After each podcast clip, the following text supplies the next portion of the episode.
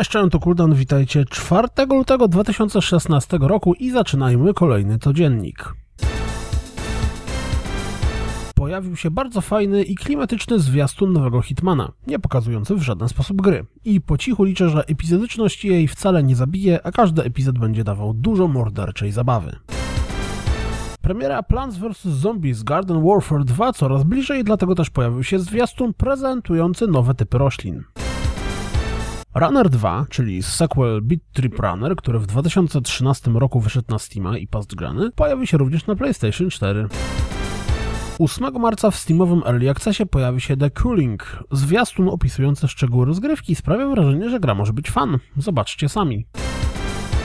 Z finansowego raportu Fancomu, który to ostatnio zapowiedział nowe MMO w świecie Konana, wynika, że w czwartym kwartale firma zarobiła o 342 tysiące dolarów więcej niż w trzecim kwartale.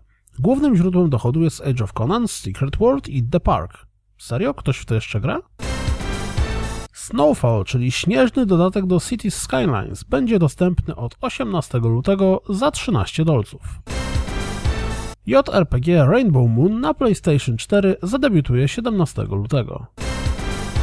Alec Heinz Gunn zalicza kolejną obsługę, tym razem data premiery przesunęła się na 1 marca.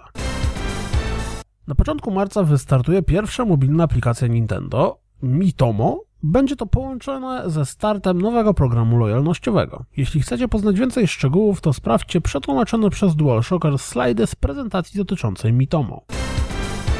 30 maja Dust 514, czyli strzelanka od EVE Online przestanie istnieć. Co ciekawe, 21 kwietnia mamy poznać szczegóły dotyczące następnego shootera od EVE.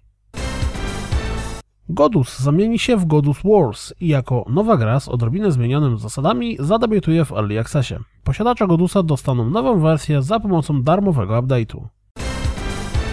Jonathan Blow odniósł się na stronie poświęconej The Witness do kwestii sprzedaży gry. Warto przeczytać całą notkę, ale jeśli szkoda wam na to czasu, to w skrócie. Gra sprzedała 100 tysięcy kopii, zarobiła ponad 5 milionów dolarów, ale kwota ta nie zwróciła jeszcze kosztów developingu.